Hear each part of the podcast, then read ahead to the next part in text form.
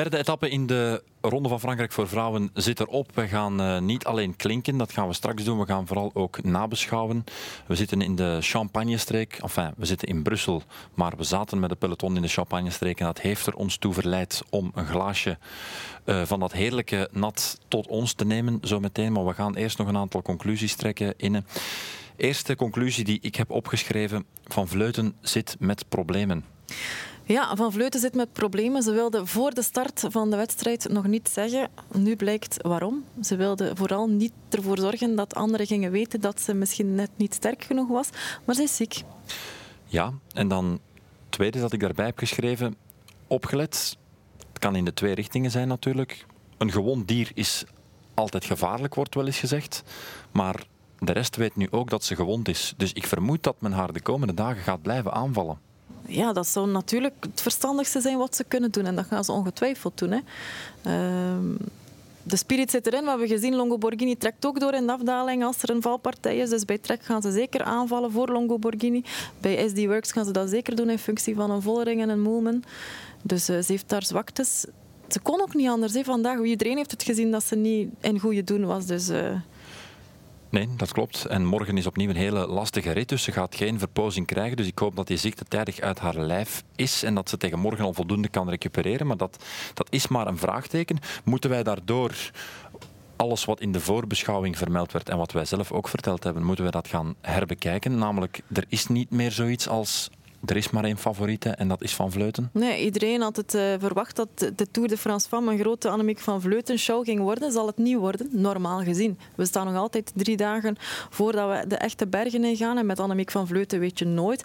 Maar als je op dit moment al een dag of twee, drie niet voldoende hebt kunnen eten, hebt kunnen drinken ja, dan sta je er niet goed voor. Hè. En dan uh, verwacht ik misschien wel een nog mooiere wedstrijd te zien de komende ja. dagen. Verliest nu op Longo Borghini al een kleine minuut. Dat hoeft nog niet alles te betekenen, maar ik vind dat wel al een marge. Ja, zeker als we vooraf hoorden in het interview, zat ze er al een beetje mee in dat het over een paar seconden ging. Nu een minuut, ja, ze heeft ook niet de sterkste ploeg rond haar. Hè. Dus ze weet dat ze het alleen moet doen. En als je niet 100% bent, dan heb je net nog een betere ploeg nodig. En dat heeft ze niet. Ja, Longo Borghini doet dus een uitstekende zaak alweer. Um, Moelman en Voldering hebben vandaag ook wel op die code mutiny getoond dat ze er staan. Ik uh, vind het misschien niet helemaal verstandig hoe men het in de slotfase heeft aangepakt? Nee, uh, ik zei het tijdens de wedstrijd ook. Het was zo'n Vollering die een beetje keek naar Moelman en, en te laat eigenlijk reageren op het feit dat Van Vleuten op dat moment er niet bij was. Natuurlijk, ze wisten toen nog niet dat ze er ook zou afgereden worden in de sprint. Hè. Maar ze hadden daar eigenlijk zoveel mogelijk seconden moeten nemen op Van Vleuten. En daar hebben ze op de een of andere manier weer gewoon te lang mee, verwacht, mee gewacht. Een beetje net als in de, in de Amstel Gold Race van, van dit jaar. Ja. Een naam die nog niet genoemd is... Um voor het klassement, maar die vandaag enorm veel indruk heeft gemaakt. En die kan klimmen, dat weten we uit het verleden. Maar we hebben ze eigenlijk, ja, ik ga niet zeggen over het hoofd gezien, maar we hielden er geen rekening mee voor een podium. Is Uttrup Ludwig klaar voor een podium? Zoals dat we nu zien, met de overmacht die ze nu heeft, podium, deze klimmen liggen haar beter dan de klimmen van 10 kilometer. Daar moet ze echt meer haar eigen tempo op zoeken. Maar ze is explosief.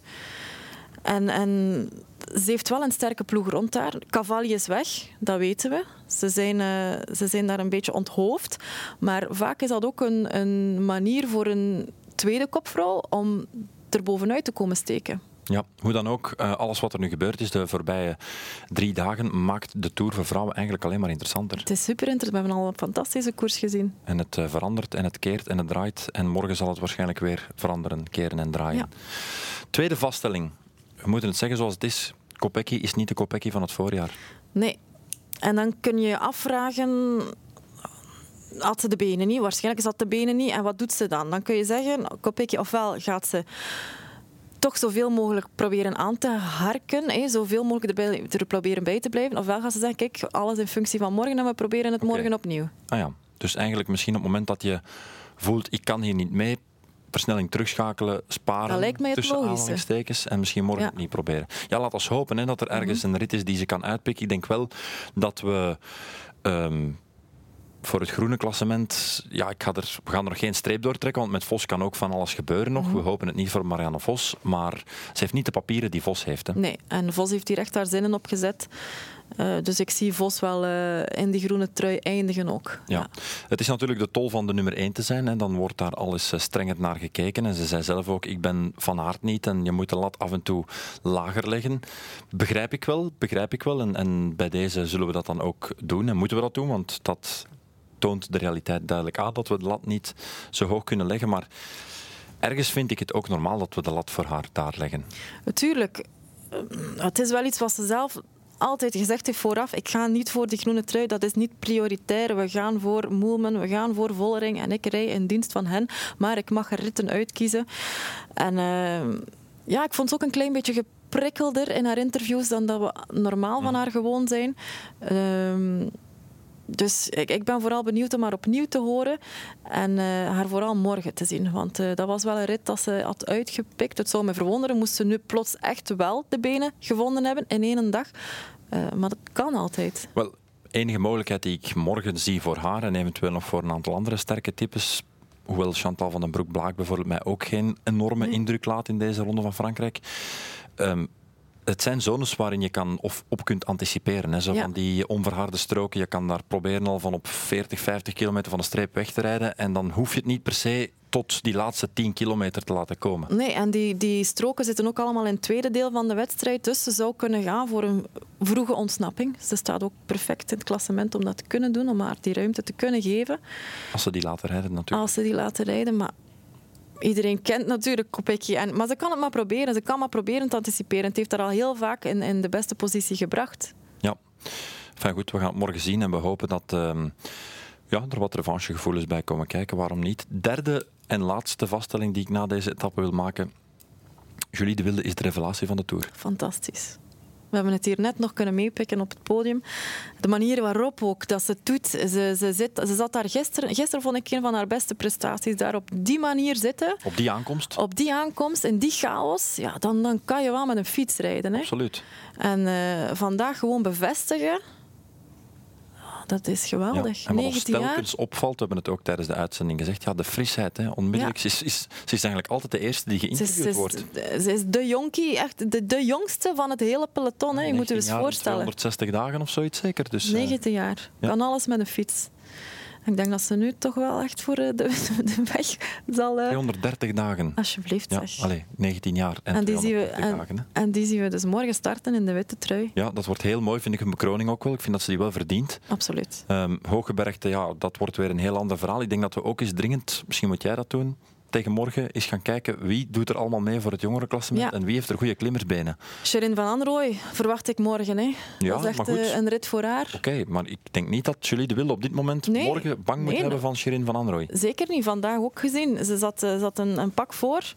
Dus, uh, maar als je zegt aan mij, jongeren, morgen, dan denk ik onmiddellijk aan Sherin van Anrooy. Maar de Julie de Wilde, die nu aan het rondrijden is... Die kan daarmee mee. Die kan daarmee mee. We moeten alleen zien of eens kijken welke klimmers jonger zijn dan 23 en eventueel dat witte klassement op termijn kunnen ambiëren. Dat, dat is een rekensom dat dat morgen is. En vooral jullie de wilde niet te veel, uh, niet te veel druk opleggen. Nee, maar goed, dat hoort natuurlijk bij deze ronde van Frankrijk. Ja. We maken elke dag een uitzending. Uh, we moeten daarover praten. Ja, je kan niet verwachten dat we niet praten. Hè. Nee, het is, nee, het nee. is, het, ik bedoel, ja, ik, dat gaat het vrouwenpeloton ook wel moeten aanvaarden natuurlijk, dat er ook druk bij komt ja, kijken. En ja, dat merk je, dat merk je ook wel aan hen, hè, dat ze vaak... Uh, dat dat dat nog een leerproces ja, ja, soms dat is. ze dat niet ja. gewoon zijn. Dat er plots ook eens kritisch naar een prestatie Tuurlijk, wordt gekeken. moet. moet. Ja.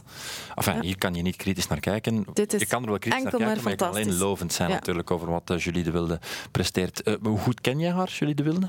Ik ken haar niet zo heel goed. Ja, ik heb er natuurlijk zelf nooit niet tegen gekoerst. Ze is zoveel jaar jonger dan mij. Ik heb uh, Ludwig al veel over, Ludwig Willems al veel over haar horen praten. Heel lovend altijd. Ze is ook een heel leergierig persoon. Mm -hmm. Ze pikt heel snel dingen op.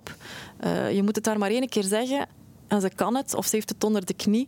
Um, ze studeert communicatiewetenschappen. Ja. Dus, uh, babbelt ook goed. Ze babbelt goed. Ze is uh, intelligent. Dus, uh, en ik vind er ook een vrouw die alles kan. Ja, en ik vind het geen toeval dat dit tot ontbolstering komt nu in die structuur van Planturpura. Michel Cornelissen, Heidi van de Vijver, die werken daar goed ja. met die rensters. Heidi van de Vijver heeft het eigenlijk gesmeten. En om daar nu Michel op dit moment bij te brengen, fantastische zet. Ja. Ja. Die gaat er voor een goede teamsfeer zorgen. Absoluut. En voor vertrouwen vooral. Die man kan echt eh, vertrouwen geven aan de renners en de rensters. En Ja. dat is eh, iets dat een jonge renster zeker nodig heeft. Hè? Ja, dan denk ik dat de boodschap aan Julie de Wilde vanavond wel zal zijn van hey, als ze morgen koersen, koers maar mee. hè. Maar dat zal Michel eh, zeker Je kan het. En Heidi Je ook. hebt het in je. Ja, Kijk, het is een mooie dag geweest. fantastische dag. Alweer een boeiende dag Ja. in de Tour. Daar gaan wij het eh, voorlopig ophouden op die drie conclusies. Morgen zijn wij er weer uiteraard. Kwart over twee op één voor etappe vier van de Ronde van Frankrijk. De etappe over de onverharde wegen. Tot dan.